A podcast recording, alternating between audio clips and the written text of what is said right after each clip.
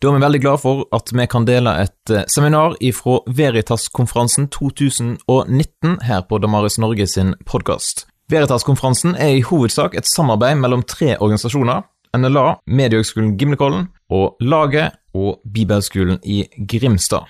Og Vil du vite mer om Veritas-konferansen, så går du til veritaskonferansen.no. Her kommer dagens seminar. Då så ska vi tala om sex i en hel timme. Så mer intressant än så här blir det inte. Och eh, jag ska inte tala hela timmen utan det kommer finnas ganska bra tid med tid för att ställa frågor, komma med invändningar och göra kommentarer. Det finns många saker jag inte har en chans att ta upp i min presentation men som är helt naturliga följdfrågor så att eh, jag hoppas att ni är på hugget efteråt och eh, ställer frågor, utmanar det som jag har sagt. Jag brukar börja med ett citat av Groucho Marx. Han har sagt så här. Jag tror att sex har kommit för att stanna. Och det tror jag han har helt rätt i. Det här är ingen eh, trend, det är ingen modefluga. Det här är en del av människans liv. Det är en del av vilka vi är, att vi är kroppsliga varelser. Vi är sexuella varelser. Och som människa måste man tänka igenom, vad, vad är det här? Att jag har kropp, sexualitet, könsorgan, drift, längtan, känslor, hur ska jag tänka kring detta? Hur ska jag använda det? Om man är kristen och tror att den här världen kommer från Gud, då blir det ju naturligt att tänka som en amerikansk teolog säger. Vi behöver inte skämmas för att diskutera vad Gud inte skämdes för att skapa. Så om, om den här världen kommer från Gud så är det ju så här att den här världen har först varit i Guds tanke. Alltså Gud funderade på vad ska jag skapa för sorts värld? Och han kunde skapa exakt vilken värld han ville. Och så valde han att skapa en värld med sexuella varelser. Så sex har för alla, jag menar var kommer det? Det var först i Guds tanke och han tänkte yes, det där är bra. Sådana varelser ska jag skapa. Så om Gud tänkte på det utan att rodna, skämmas, så måste vi kunna tänka helt öppet och fritt kring det här området, eller hur? Väldigt ofta i den kristna gemenskapen så har det varit har man haft svårt att hantera en diskussion om sex. Och det har väldigt mycket utgått från det jobbiga faktumet att det alltid finns ett glapp mellan ideal och verklighet. Så fort man pratar om hur någonting, man pratar om etik, vad som är rätt.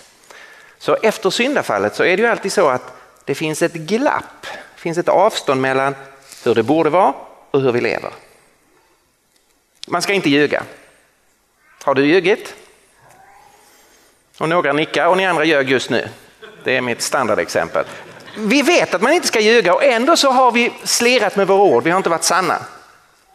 Vad gör man då när det blir ett sånt här, man vet hur det är och sen har man levt på ett annat sätt.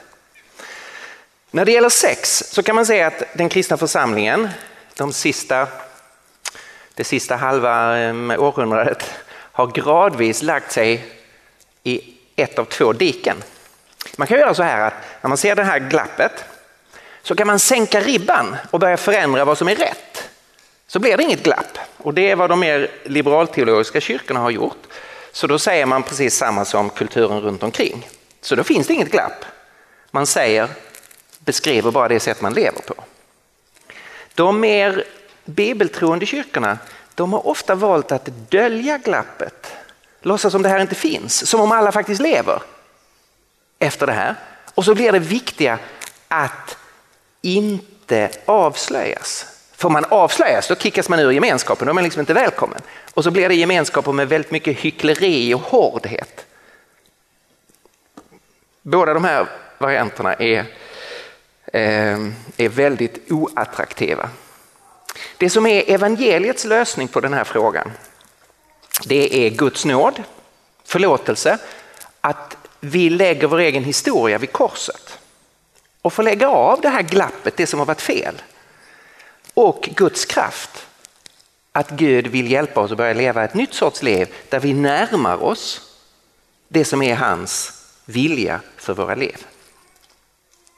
Okej, okay, så jag hoppas det är i den andan som vi kan tala om sex, att göra det utifrån evangeliets perspektiv. Att Guds vilja finns, Guds nåd finns och Guds kraft till förändring finns. För bara tre gång tankarna här kring sex innan vi börjar prata om den sexuella revolutionen som ju är en specifik syn på sex. Så om man vidgar perspektivet och tänker på människans historia så finns det i grunden, skulle jag säga, fyra olika synsätt som kulturer har haft när det gäller sex. Man kan tänka sex, det är en biologisk drift. Det är en del av vår kropp och det är precis som hunger och törst och sömn. Det är bara ett naturligt behov. Det finns inga så principiella gränser. Sov så mycket du vill, drick så mycket du vill. Jag menar, det blir mycket en personlig sak bara, gör som du vill. Och då säger man det här är, man har en positiv syn på sex, det är naturligt, det är gott, men väldigt kvantitativ syn. Alltså ha så mycket sex du vill med så många du kan på hur många sätt du vill. Exakt vad sex betyder, det blir då, ah, det är inte det fokus liksom, utan det, det blir kvantiteten. En gränslös sexualitet, väldigt få ramar för sexualiteten. Det motsatta, och det är ju vanligare i mänsklighetens kultur, det är att man begränsar sexualiteten och säger det här är ingen bra sida av människan. Nu gäller det att hålla igen. Vi, klart vi måste ha sex annars blir det inga barn. Så, så det är klart några gånger ska man ha sex eh, så vi fortplantar oss. Men för övrigt, hmm, låt oss hålla borta det här området därför att det är ett smutsigt, det är ett farligt, det är ett destruktivt område. Och det här finns i jättemånga kulturer, att man är asketisk, platonsk, gnostisk, viktoriansk, vi har massa olika ord för det. Men där man i grunden har svårt att bejaka sexualiteten så man får en livsfientlig hållning. Några kulturer har sagt nej vi ska verkligen bejaka sex därför att det har med Gud att göra. Sexualiteten är ett sätt att få kontakt med Gud. Den religiösa extasen och orgasmen går liksom samman och du kan möta Gud genom sex. Det finns i indisk religiositet och vi har det i kvällstidningarnas bilagor så om tantrisk sex. Det är ju liksom sexinspiration från den rörelsen i, i hinduismen. Då har man en väldigt positiv syn. Liksom sex är en viktig kraft och den kan sätta dig i förbindelse med Gud. Så det finns något långt utöver det bara kroppsliga. Det är liksom en andlig kraft. Samtidigt är det ju ett jättefarligt grej när du börjar blanda två av människans starkaste krafter, människans religiositet och människans sexualitet. Om ni tänker på sekter där det går snett, vad har man alltid blandat? Religiositet och sexualitet. Det kan gå hur snett som helst.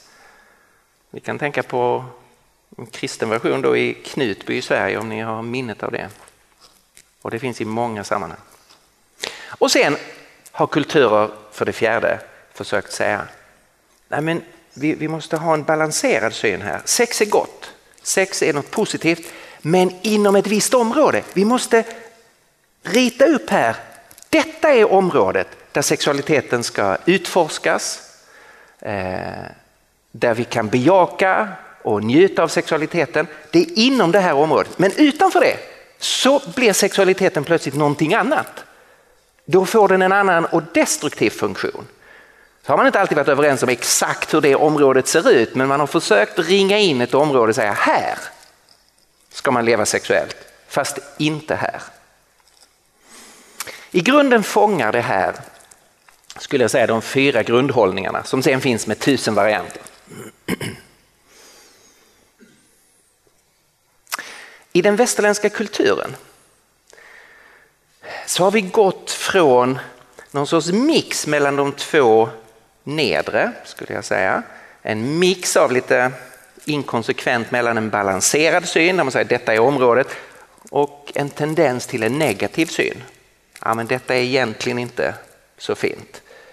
Vi har gått från den, det synsättet och så har vi rört oss väldigt snabbt upp mot det som för er blir det högra hörnet mot gränslös sexualitet. Att sätt så få gränser som möjligt för ditt sexuella liv. utforska så mycket som möjligt av sexualiteten. Den här förändringen, det är det som vi kallar för den sexuella revolutionen. Att efter mer än tusen år av en kristen syn som emellanåt då har varit uppblandad av den här mer begränsade och livsfientliga synen så har vi helt revolutionerat vår uppfattning av sex. Och det går idéhistoriskt tillbaka till den här mannen, Marquis de Sade. En fransman på 1700-talet och vars namn, Marquis, eh, det är ju en titel ungefär som greve och baron och så, så det är en, eh, en, en adlig titel.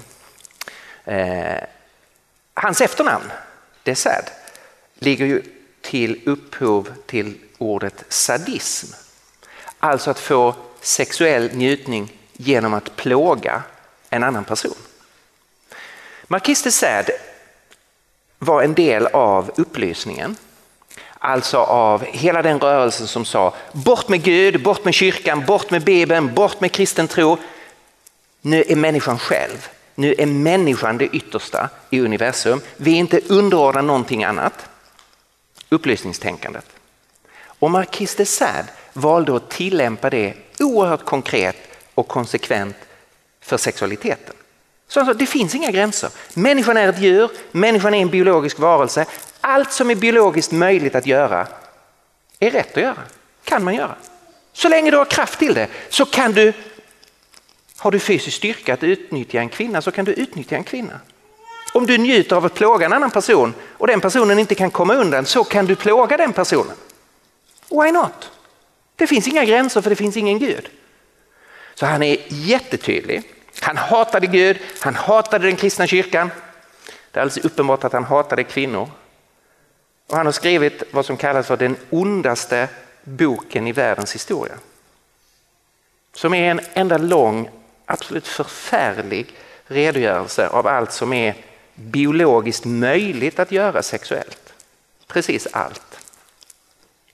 Detta väckte ju en enorm avsky i 1700-talet eh, och han hamnade i fängelse för sitt sätt att leva. För det var inte bara så att han skrev om det utan han levde så här. Eh, så han hamnade i fängelse för kulturen kunde inte ta det. Men han hade sått ett frö.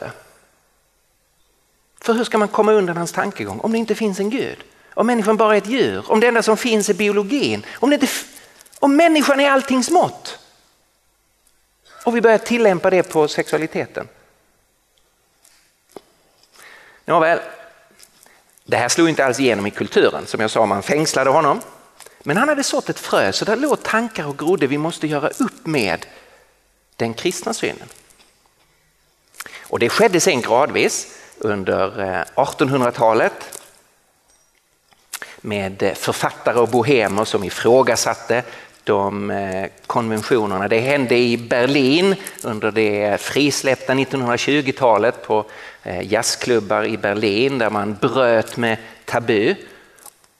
Och det sker på ett, ett mycket större kulturellt plan från 1960-talet och framåt. Och då är det ju mitt land som går i spetsen. Den sexuella revolutionen får kulturellt genomslag på bred front, inte bara enskilda individer och, och folk i ett avantgarde, de som går före, utan att det slår igenom och bejakas i kulturen. Det kommer i Sverige, i Danmark på 60-talet och så öppnar vi dörren för den sexuella revolutionen i hela västvärlden. Det sker genom filmer som Hon dansade en sommar eller Sommaren med Monica, filmer som väckte stort rabalder, som visade den första kvinnliga bröstvårtan utanför. Porrfilm. I vanlig spelfilm av seriösa regissörer och som visade unga människor som levde tillsammans sexuellt utan förpliktelser, utan äktenskap, utan långsiktighet i, i, i relationerna. Och så har bit efter bit den traditionella synen på sex och relationer och äktenskap förändrats. Om man ska försöka sätta ord på det här eh, så kan man göra det på följande sätt. Och jag kommer säga samma sak ett antal gånger Alltså beskriva samma fenomen fast använda lite olika ord och lite olika illustrationer. Ungefär som om man, man har ett stort bord framför sig med en massa maträtter uppdukade så kan man liksom gå runt bordet och titta på samma bord från olika håll och då ser man lite olika saker. Vad har den sexuella revolutionen inneburit?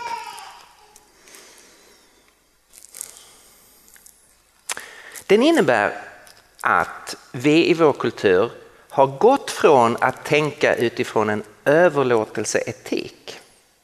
Alltså utifrån kristen tro som man tänkt sexualitet bygger på överlåtelse på maximalt hög nivå. Man säger jag tillhör dig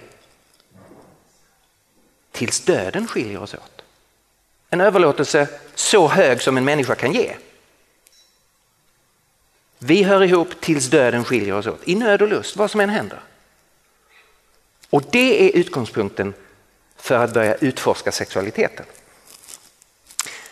Man gick från det till att säga ja, men man behöver inte den sortens överlåtelse, det är ju ändå att ta i. Man kan ju starta och ha sex med lite lägre grad av överlåtelse. Det är väl bra om vi har en överlåtelse så, så länge vi älskar varandra eller känner någonting för varandra eller det är någonting speciellt mellan oss så kan vi ha också uttrycka den känslan sexuellt.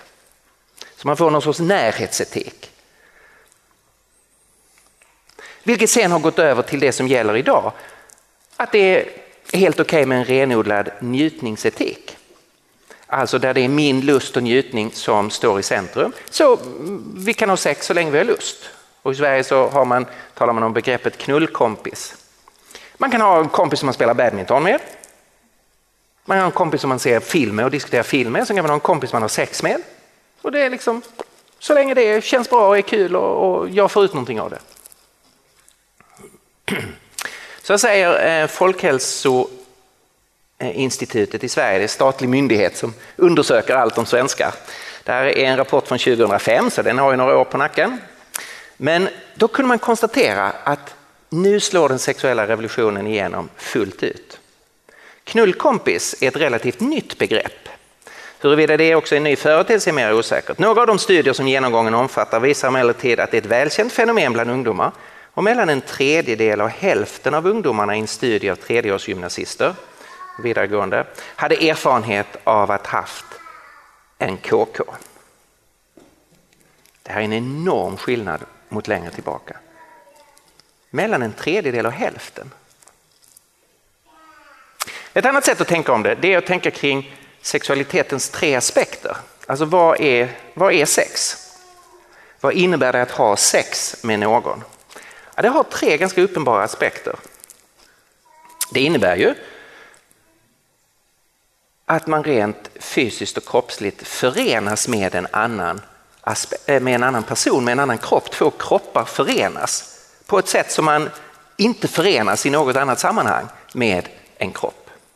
Det är den föreningen, den kroppsliga föreningen, som är det sätt på vilket vi människor fortplantar oss. Det är så nya människor blir till. Och om det sker på rätt sätt så är det, eller kan vara, förenat med njutning och glädje och passion och starka upplevelser. Okej, okay. det, det här är ju basic, det är det som är sex. Det vi gör i vår kultur efter den sexuella revolutionen det är att vi ignorerar två av aspekterna och tänker bort det att man förenas med en person. Om man tänker bort det faktum att det är så nya människor blir till och man har enbart fokus på njutningen. Det som finns kvar är njutningen. Det är alltså en oerhört eh, förenklad syn på den sexuella handlingen som sådan. Man bara blundar för två aspekter. Och jag ska snart eh, kommentera vad, vad det, det sen i sin tur betyder. Ett annat sätt att, att tänka kring vad som hänt är att man har gjort mannens sexualitet som norm.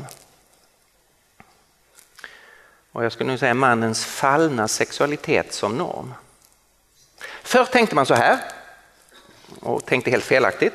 Man tänkte så här, mannens sexualitet är för honom mer okontrollerbar. Han är inte fullt ut ansvarig. Han, eh, vi kan inte kräva liksom att han ska ha ordning på det här.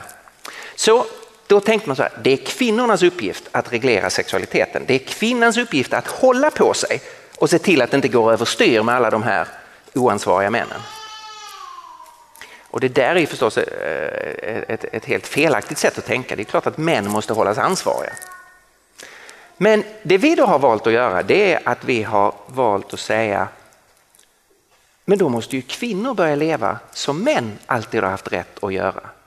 Så idag uppmuntras kvinnor att ta för sig sexuellt på det sätt som män traditionellt har haft möjlighet att göra. Och då skulle jag säga att i båda fallen så är normen mannens fallna sexualitet. Alternativet som man är nästan tyst om det är ju förstås att uppmuntra mannen att hålla på sig. Eller för att tala mer konstruktivt, att tala både till män och kvinnor om behovet av självkontroll. Att bli en mogen människa handlar om att också bli ansvarig för sina handlingar inklusive för sin sexualitet. Och då måste alla lära sig att i många situationer hålla tillbaka sin egen sexualitet. Här är Folkhälsoinstitutets eh, undersökning om ungdomars sexualitet. De säger så här. Det som nu slår igenom efter millennieskiftet, det är så här. Trender i tiden. Förändringen kan tolkas som en sedan ett antal decennier pågående upplösning av det romantiska kärlekskomplex som styr formerna för våra intima relationer. Denna upplösning, denna upplösning blir synlig dels i förändringen av kärleksideologin, alltså den ideologi som kopplar samman sexualitet med kärlek. Så vi skiljer det. Sex och kärlek behöver inte höra ihop. Självklart kan du ha sex med någon du älskar. Det, det, det är ju inte förbjudet. Men du behöver absolut inte älska den du har sex med. Så det är en av de stora förändringarna, vi separerar det så att sex blir en kroppslig drift som du kan tillfredsställa med vem som helst. Och det andra är dels en förändring och ett ifrågasättande av heteronormativiteten, alltså av utgångspunkten att den heterosexuella relationen är ett självklart normaltillstånd. Förändringen av kärleksideologin syns bland annat i sådana resultat från olika studier som visar på ett klart ökande antal livstidspartner. Alltså man har sex med fler människor under sin livstid än tidigare. En ökning av tillfälliga sexuella kontakter. Man har fler sexuella kontakter med någon som man bara träffar eh, ytligt eller tillfälligt. En ökad öppenhet för gruppsex och eh, knullkompisrelationer. Och en minskning av antalet människor som anser att samlag endast bör förekomma i fasta relationer. Upplösningen av heteronormativiteten syns på motsvarande sätt i en tydligt ökad öppenhet för samkönade sexuella relationer. 2008, så det är ju länge sedan nu, så hade tidningen Fokus en väldigt intressant artikel där de visade att på ett plan slog den sexuella revolutionen igenom på 60-talet. Då började folk tankemässigt acceptera du kan skilja kärlek och sex, du kan ha sex med vem du vill. Fast man började inte leva så.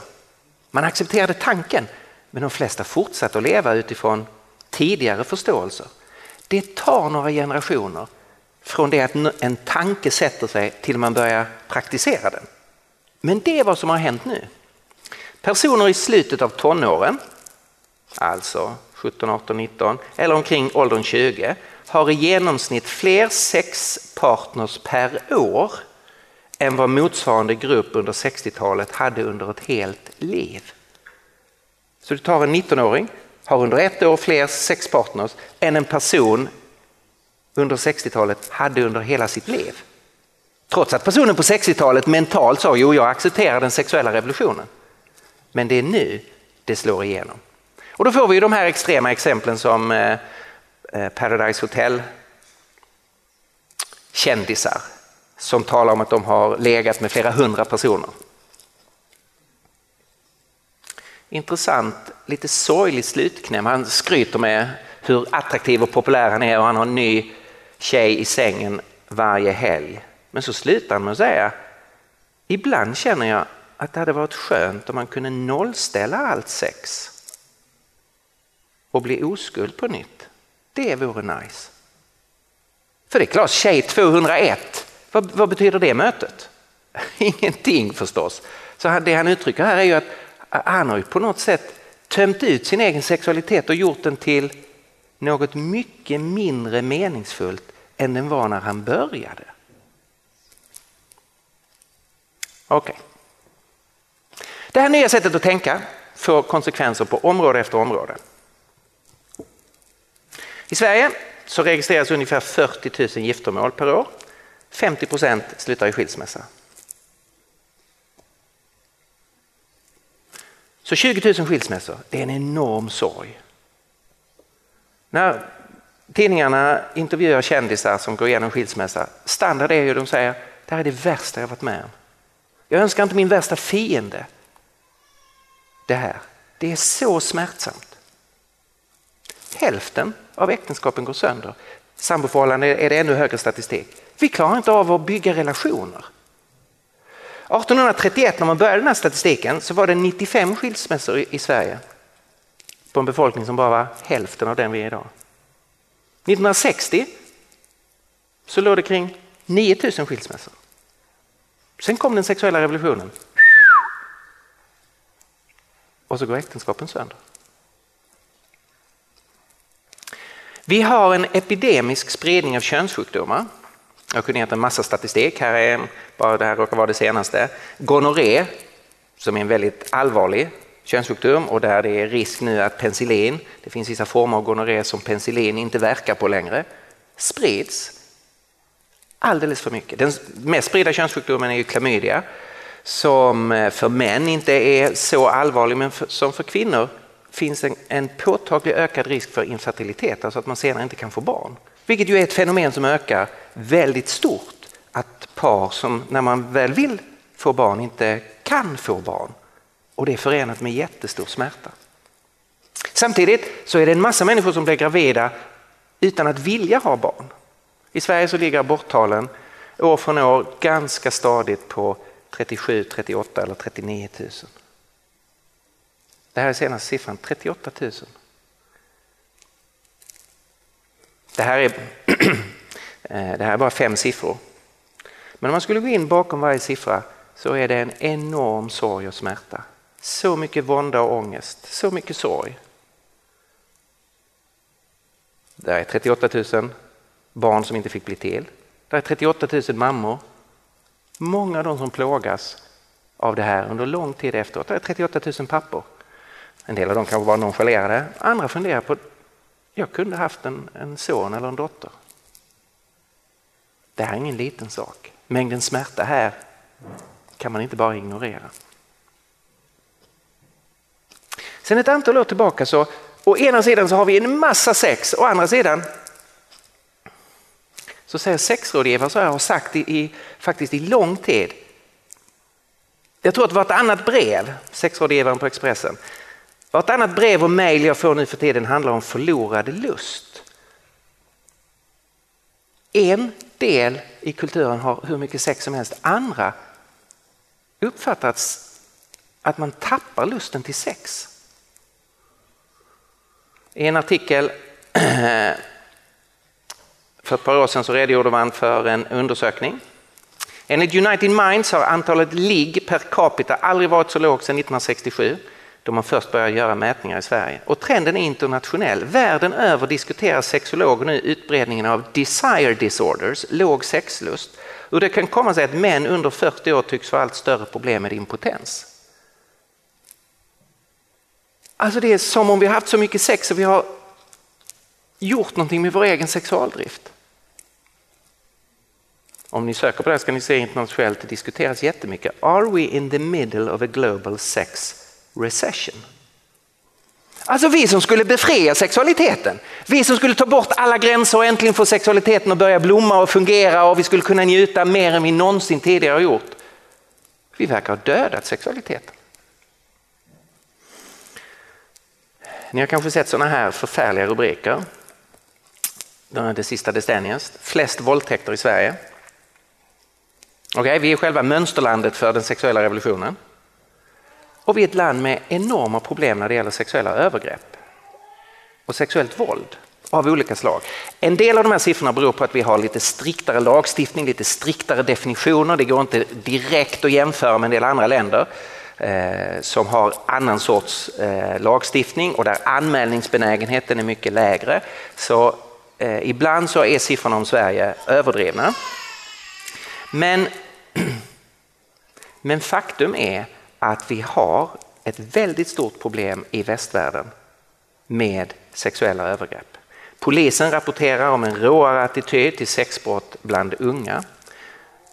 Och på, eh, på ett brett folkligt plan så har det ju synts utifrån tre berömda hashtags.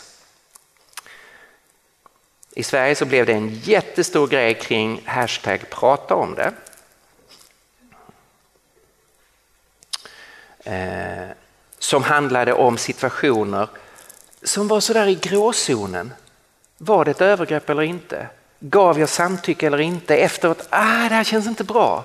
Framförallt kvinnor som kände sig utnyttjade men inte hade reagerat i situationen. En del män som efteråt kände, ah, jag pressade på här på ett sätt som jag inte borde. Och det här fick stora journalistpriset. Tusentals människor som hörde av sig, vi måste börja prata om det här. Att det går inte, det går inte schysst till när vi har sex. Det blir manipulation och förtryck och, och Och sen kom nästa stora hashtag, mörkertalet. Kvinnor som har blivit våldtagna men inte anmält det. Det bara exploderade, hur många som helst.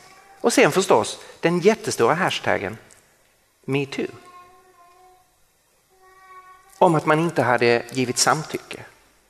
Att det hade funnits någonting i situationen som, som gjorde att maktbalansen var ojämn och någon blev utnyttjad och någon valde att utnyttja en situation.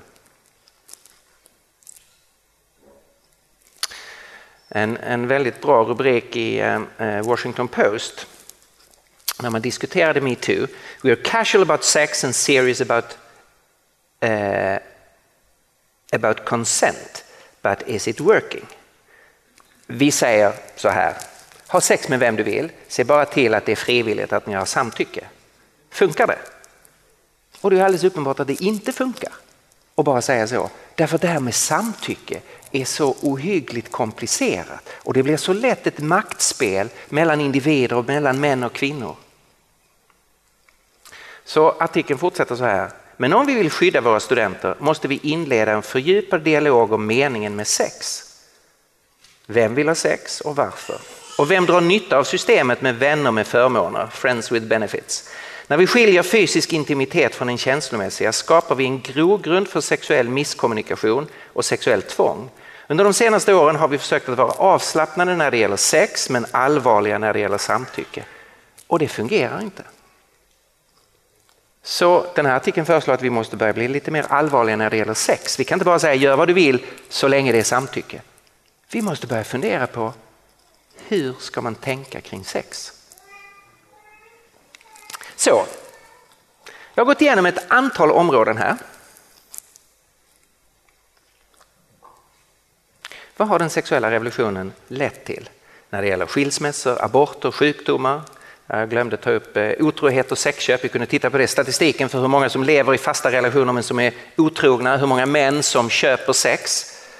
Eh, i lite olika undersökningar i Sverige så ligger det mellan 10 och 13 procent av männen som köper sex.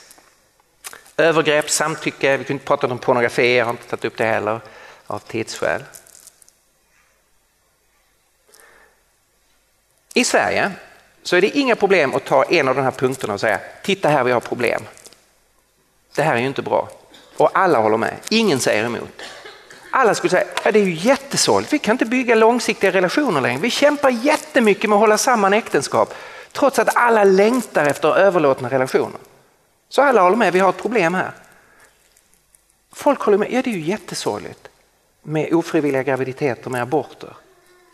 Man håller med om att vi har en epidemi när det gäller sjukdomar. Så man kan titta på vilken av de här punkterna som helst och få allas medhåll. Ja, det här är sorgligt. Vi borde försöka göra någonting åt det.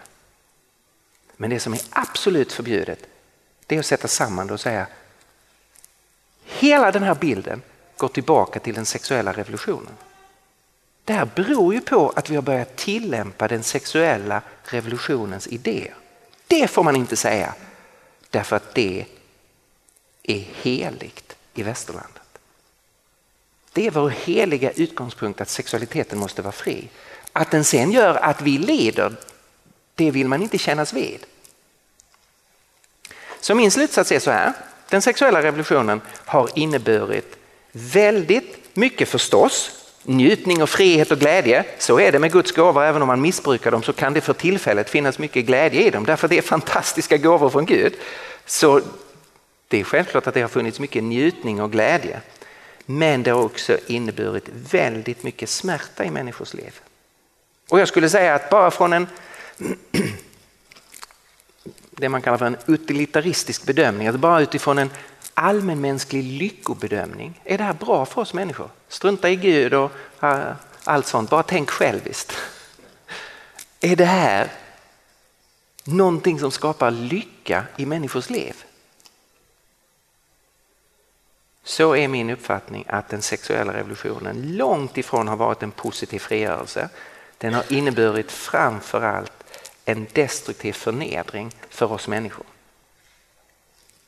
Så jag tycker att det är väldigt hög tid för ett nytt sätt att tänka kring sexualitet. Att börja om igen och fundera på hur ska man tänka kring sex? Om jag utmanar människor i Sverige på den här frågan, hur ska man tänka kring sex? Vad är kriterierna för, för en god sexualitet? Så skulle de flesta säga så här, om de får chans att tänka. De skulle inte bli som Marquis de och göra, säga gör precis vad du vill. Nej, de skulle säga ja, det finns ju vissa saker som är rätt självklara. Dra inte in barn i det här. Sex ska bara vara mellan vuxna. Och sen säger de, man får självklart inte skada en annan person. Där måste vi dra en gräns. Och det måste vara samtycke. Båda måste vara med på det som man gör eller alla om det nu är många måste vara med på det man gör. Sen brukar faktiskt kriterierna, kriterierna sluta. Sen säger man sen från den här punkten så är det upp till var och en. Och då skulle jag säga jag tycker att det här är otillräckligt. Det här är helt på rätt väg. Jag håller med om de här tre, tre kriterierna. Men de är helt otillräckliga och räddar oss inte undan från det destruktiva i den sexuella eh, revolutionen. Här är alldeles uppenbart saker som saknas. Och det som jag tycker är de två mest uppenbara sakerna som saknas det är att man gör ingen koppling till kärleken. Att man fortsätter att separera kärlek och sex. Och Det här är väldigt märkligt därför att samtidigt vet alla i vår kultur och accepterar att när man väl har träffat den man vill leva med så får ju sexualiteten ett speciellt, en speciell mening, ett speciellt syfte. Den blir ju alltid tecknet på vår kärlek. Också i de mest sekulariserade förhållanden i Sverige så är det ju så att en otrohet hotar ju hela relationen. Den sätter hela relationen på sin spets om någon har varit sexuellt tillsammans med någon annan. Därför att sex är ju det som vi har tillsammans som är tecknet på vår kärlek, vår relation, vår överlåtelse till varandra. Och här är ju den stora liksom inkonsekvensen i vår kultur. Att man säger så här, lev precis hur du vill med sexualiteten, det har ingen betydelse förutom din njutning. Och sen plötsligt blir det då tecknet tecknet på en helt unik överlåtelse till en annan människa. Vi vet om att sex har den funktionen, det är det den har i de långa relationerna. Men så väljer vi att tänka helt annorlunda om sex innan vi har hittat den relationen. Varför inte tänka konsekvent? Varför inte låta sex vara tecknet på en gemenskap, ett förbund, en överlåtelse? Och det andra är att det finns ingen koppling längre till biologin, till kropparna. Trots att sex är i högsta grad en biologisk företeelse, det är mer, men det är också en biologisk företeelse. Och vi väljer att ignorera att det är så här man fortplantar sig och vi ignorerar hela tankegången på vad, eh, vad något är avsett för. Vad våra kroppar är avsedda för. Vad som i den betydelsen är det som är den normala användningen av våra kroppar och våra könsorgan och så. Så jag menar att man behöver ha en utvidgad diskussion om vad som är kriterierna för en god sexualitet. Låt mig bara avsluta här med, innan vi släpper loss eh, för ett samtal, och säga någonting kort om det, den kristna synen. Som i dagsläget behöver betecknas som, inte den sexuella, sexuella revolutionen, men en revolutionär syn på sex. Och som jag menar är Eh, så mycket mer konstruktiv och så mycket vackrare och i längden någonting som skapar en så mycket bättre kultur än den sexuella revolutionen. Utifrån kristen tro så är sexualitetens ursprung Gud. Det är Gud som har skapat oss kroppsliga, gjort oss sexuella. Vi är skapade till manligt och kvinnligt från början med uppdraget att föröka oss. Den sexuella polariteten, att vi är Guds avbilder fast i två versioner, manligt och kvinnligt, den kommer från Gud. Och båda sidorna återspeglar någonting hos Gud. Inte i fysisk och kroppslig mening, Gud har ingen kropp, Gud har inga könsorgan, Gud har ingen biologisk sexualdrift. Men det som vi är som män och som kvinnor, det återspeglar någonting hos Gud och tillsammans utgör vi Guds avbild. Vi har fått uppdraget att föröka oss och det gör vi genom att man har sex. Det här innebär en jättetydlig avgränsning från varje form av sån här asketisk, livsförnekande, negativ syn på sexualitet. Sexualiteten kommer från Gud. Nya testamentet säger att den som förbjuder äktenskap, alltså förbjuder människor att leva ut sin sexualitet principiellt, att det är läror som kommer från den onda sidan. Första Timoteusbrevet 4, vers 1-5.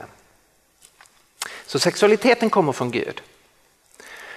I kristen tro så är sexualitetens sammanhang, det hör samman med gemenskap. Det är väldigt tydligt i Bibelns andra kapitel där eh, berättelsen är att Gud har skapat först mannen, men han är ensam. Och han, det är någonting som saknas. Trots att han har gemenskap med Gud, trots att han är herre över, över djuren och får namnge dem, så är, finns det ingen som är på hans nivå. Djuren är lägre än vad han är, Gud är förstås oändligt mycket högre och han är ensam och det är inte gott. Och så skapar Gud kvinnan, äntligen någon som är som mannen på hans nivå, hans jämlike fast samtidigt annorlunda. Och så för Gud fram kvinnan till eh, mannen. Och så kommer de vackra orden om äktenskapet. Därför ska en man överge sin far och sin mor och hålla sig till sin hustru och de två ska bli ett. Och så har vi i kapitel 1 och 2 i Bibeln har vi först manligt och kvinnligt kommer från Gud och vi ska föröka oss för Gud gillar människor. Så han vill att vi ska ha sex och han vill att vi ska föröka oss. Och sen i kapitel 2, det här hör samman med gemenskap. Det här hör samman med att bli ett med en person, att förenas och höra ihop med en person. Kapitel 2 säger ingenting om fortplantning, talar bara om hur ensamheten möts av en annan person och hur de förenas och blir ett och därmed bildar en enhet. Och så är kallelsen att tillsammans börja måla en bild av Gud. Och så slutar det kapitlet så, så väldigt vackert. Mannen och hans hustru var nakna och blygdes inte för varandra. Poängen där är inte att de saknade kläder, det är inte nudism som är, är själva poängen. Poängen är att de var de dolde ingenting för varandra. Det var öppet, ärligt. Det var kontakt, hjärta till hjärta. En gemenskap som sen också kunde uttryckas sexuellt. Sexualitetens plats är äktenskapet. Bibelns huvudord är det här från första Mosebok kapitel 2. Därför ska en man överge sin far och sin mor och hålla sig till sin hustru och det ska bli ett kött. Det ordet citeras av Jesus, det citeras av Paulus. Det är alldeles uppenbart huvudordet i kristen tro för synen på eh, äktenskap och sexualitet. Och om man analyserar det korta ordet så kan man säga att det finns fem aspekter när det gäller hur kristen tro förstår äktenskapet. Det är för det första en monogam relation. Därför ska en man hålla sig till sin hustru. Bibeln tar avstånd från polygami och förstås från polyamori. Det är en man och en kvinna. Det är en heterosexuell eh, relation. Det är en man som håller sig till sin hustru. Och det här väcker ju tusen frågor, vi kan komma tillbaka till dem alldeles strax. Men det är alldeles uppenbart att det, detta är så Bibeln presenterar Guds skapartanke. Äktenskapet bygger på en ändring av den sociala statusen. Man kommer ifrån en gemenskap av en man och en kvinna och i antiken så var detta väldigt starkt, du ska hedra din far och din mor. Äktenskapet innebär att man startar en ny social enhet, därför ska man överge behöver inte betyda geografiskt att man måste flytta någon annanstans. Men i en annan mening ska man överge sin far och sin mor. För nu är första prioritet en annan person. Nämligen den man blir gift med. Så det har konsekvenser för resten av gemenskapen. Man startar en ny social enhet och därför så är det liksom någonting offentligt. Och sen ska man hålla sig till varandra och idealiskt förstås då i en livslång trohet. Man ska klistra samman med varandra och höra ihop. Och det fullbordas sen i den sexuella gemenskapen där man för varandra bekräftar den enhet som man har. Hur ska man tänka om den sexuella föreningen? Vår kultur säger att det är kroppslig njutning, gör inte mer av sex än att det är en intensiv kroppsmassage. Det är, du får fotmassage eller massage på ryggen och sex är den mest potenta formen av massage. Eller ska man tänka om sex att det är som uttryck för en det är som förälskelse, det är liksom ovanligt intensivt känsloutbyte men inte mer än det. Kristen tro ser på sex som ett tecken på enhet, en manifestation av en unik tillhörighet. Att det som mannen och kvinnan har sagt inför Gud och inför människor, jag är din i nöd och lust tills döden skiljer oss åt. Det säger man återkommande till varandra i den sexuella överlåtelsen, när man ger sig till varandra och igen bekräftar det som man en gång sa med sina ord som man förhoppningsvis fortsätter att säga och uttrycka på många olika sätt. Det har man också fått en alldeles unik gåva att kunna uttrycka det till varandra att du och jag hör ihop. Du och jag har ett förbund. Vi är överlåtna till varandra på ett sätt som ingen annan, som vi inte är överlåtna till andra på. Ehm, alltså ser kristen tro på sexualiteten på ett mycket djupare plan. Har ni tänkt på en intressant sak? I nästan alla länder så gör man skillnad på fysisk misshandel och på våldtäkt. Varför gör man det?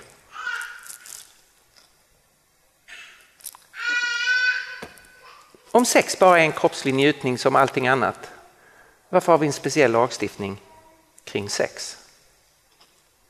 Nej, men om, om det här bara är biologi, det är ingenting mer, då är väl en, ett slag i magen eller en, en våld, det, det, är bara, våldtäkt, det är bara olika kroppsdelar. Varför, det är fysisk skada, varför gör vi någonting mer av det här? Därför att alla människor vet att det är någonting mer. Sex berör någonting mycket djupare inuti oss och därför så är en våldtäkt någonting helt annat än ett slag i magen. Därför att den sexuella handlingen är någonting helt annat än andra fysiska handlingar. Det är därför det berör oss så mycket djupare. Det är därför man kan ha trauma i åratal efteråt av felaktiga sexuella handlingar på ett sätt som man inte har trauma av att någon har slått en i magen. Det här stämmer precis med den kristna bilden att sex är någonting mycket, mycket djupare. Det är ett förbundstecken. Och därför så är det så smärtsamt när det förbundstecknet används på fel sätt. Nu säger jag att min tid har gått. Jag har redan gått över tre minuter vad jag hade tänkt tala och det finns jättemånga fler frågor förstås att ta upp. Jättemånga invändningar och följdfrågor på det jag har sagt. Eh, och då tror jag att jag gör så här att jag stannar här. Jag har försökt ge en bild av den sexuella revolutionen. Jag har sagt något väldigt eh, kortfattat och översiktligt om den kristna synen. Eh, och så tar vi den sista kvarten här eh, att eh, för frågor, reaktioner, invändningar. Och jag vet inte behövs det en mikrofon för det eller folk bara ställer sig upp? Det finns en mick som går runt. Så eh, vem vill börja? Du eh, presenterar ju väldigt många goda argument för eh, ett mer konservativt syn på sexualitet än eh, det som allmänheten mm. tänker på idag. Vad tror du ska till för att eh, allmänheten tänker mer i den riktningen som du presenterar nu? Tror du det är möjligt inom vår levetid eller vill det ta väldigt mycket längre tid än det? Ja, det kan jag inte svara på riktigt hur, hur, hur, snabbt saker och ting förändras. Jag undrar om vi inte på en del områden faktiskt har kommit till vägs ände och att det, det, måste börja gå åt andra hållet därför att det blir för, för smärtsamt. Det viktigaste vi har att göra det tycker jag är att inte hålla på att fördöma hur människor lever. Det är inte alls konstigt att människor i vår tid lever som de lever därför att det är där man har lärt sig, det är där man har fått med sig, det är inget konstigt. Så vi ska inte hålla på att fördöma det eller se ner på det. Men man kan faktiskt börja ställa frågor kring det. Börja koppla samman som jag försökte göra här och inte bara titta på en negativ aspekt. Som metoo till exempel. Alla är överens om att vi har ett jättestort problem här. Ingen i Sverige har någonsin kopplat detta till den sexuella revolutionen. Men det är en direkt följd av liksom, så, så, hjälpa människor liksom lägga samman ett och ett och se här finns en större bild. Borde vi inte utgå från en annan sorts idéer? Ehm, det hjälper inte att skälla på människor, så att säga vara arg. Ehm, och vi får bara acceptera att just nu är vi i en kultur där människor gör bara de tänker att det finns egentligen inga regler, jag gör upp mina egna regler längs vägen. Jag planerar inte i förväg. Och det är så människor gör. Men det vi ser är att det finns jättemycket eh, lidande. Framförallt är det unga kvinnor som mår psykiskt illa nu, mår psykiskt dåligt av många olika skäl.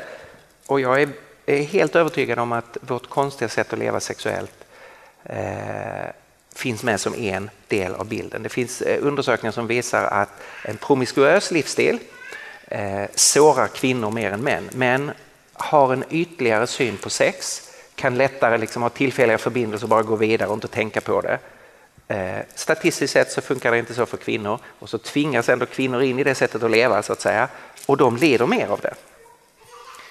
Eh, så ställa frågor, utmana liksom eh, helhetssynen, ställa frågor kring finns det inte en bättre väg, ett vackrare alternativ? Är det inte något annat vi längtar efter? Eh, är inte sex, och egentligen är det ju så här, att ställa frågan, är inte sex viktigare än så här? Det här sättet att leva innebär att sex blir väldigt betydelselöst. Om du kan ha sex med vem som helst, när som helst, hur som helst. Då betyder inte sex någonting. Ja, men tänk om man önskar att sex ska vara viktigt. Så det är ju intressant om vi som kristna kan komma med från den infallsvinkeln. Ja, men vi vill att sex ska vara viktigt. När den kristna rörelsen växte fram i romarriket så var det på många punkter lika förvirrat som i vårt. Det är då på en del punkter ännu mer förvirrat eftersom man blandade in barn och, eh, och, och eh, slaveriet gjorde att förtrycket var ännu större och sådär. Eh, men den kristna rörelsen eh, innebar en sexuell revolution från det till en helt annan syn på sex. Det tog några hundra år men det var ju från en väldigt liten begynnelse så att säga, en liten rörelse. Men den kristna rörelsen var väldigt tydlig med att eh, vi har ett annat sätt att leva sexuellt. Vi tror att Gud har avsett detta för man-kvinna relationen i ett överlåtet förbund. Och man stod fast vid det och det var den uppfattningen som faktiskt vann i kulturen. Ehm, så det har hänt förr att den kristna rörelsen har varit med och långsamt vreda kulturen in på ett mer konstruktivt spår.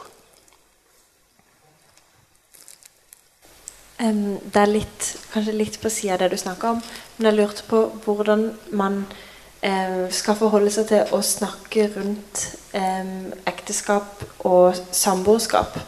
Det vil si hva dine tanker er på forskjellen blant, innad blant kristne. da, Samboerskap och äktenskap och forskjellen på det. Just det. Det är en jätteviktig fråga. Ehm, eh, I, i, I, Sverige så var de första samborelationerna var på 1860-talet. Då flyttade en massa människor till Stockholm.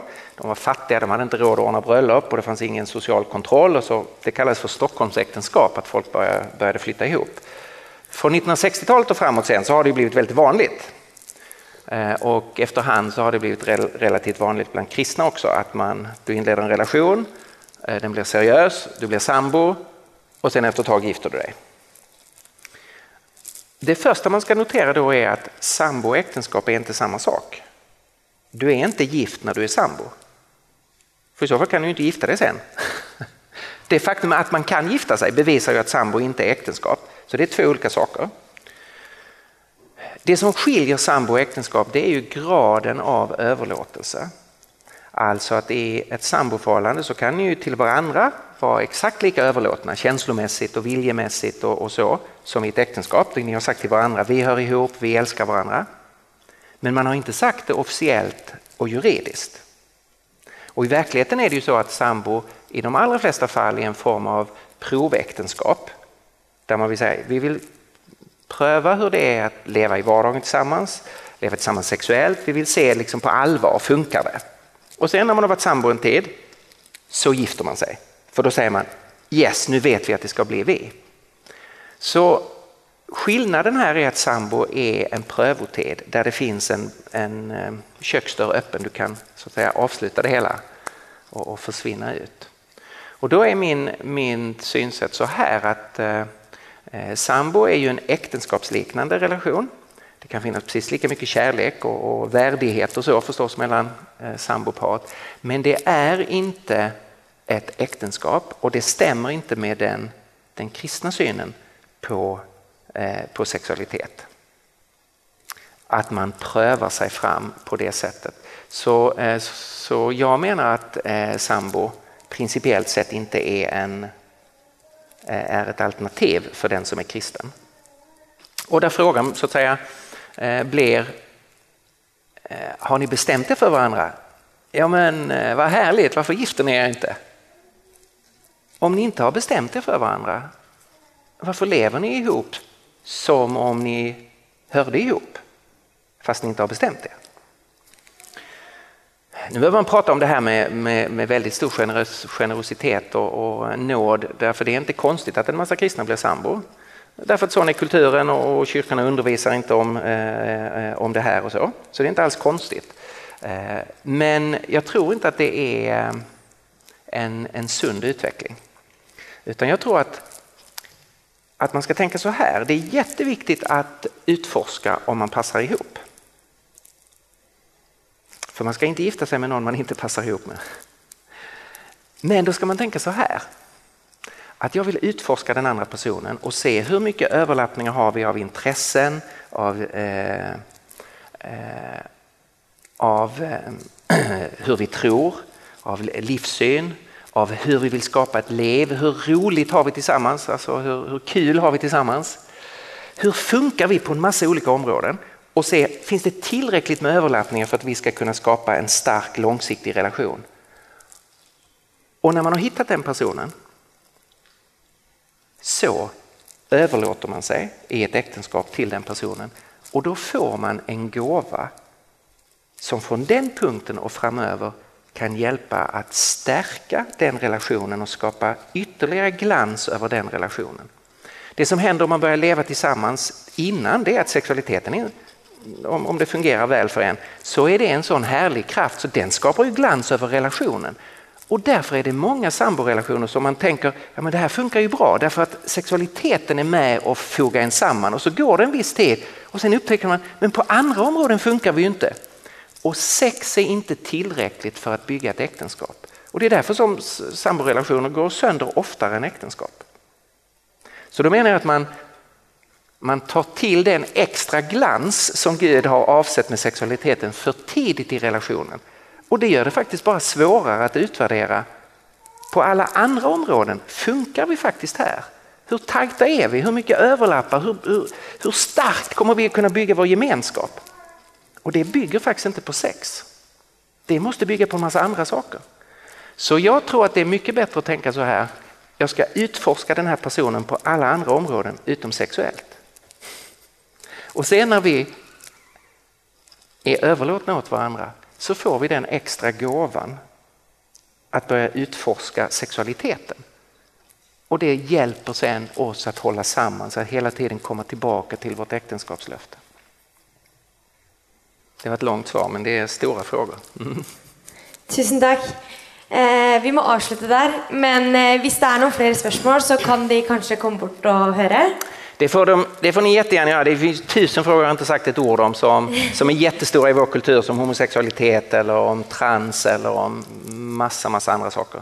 Så eh, du, får, du får gärna komma och prata med mig. Flott. Takk for at du lytter gjennom dette seminaret her. Og skulle du ønske at flere fikk med seg det gode innholdet, ja, da kan du jo faktisk dele seminaret med noen, eller tipse dem om seminaret i sosiale medier.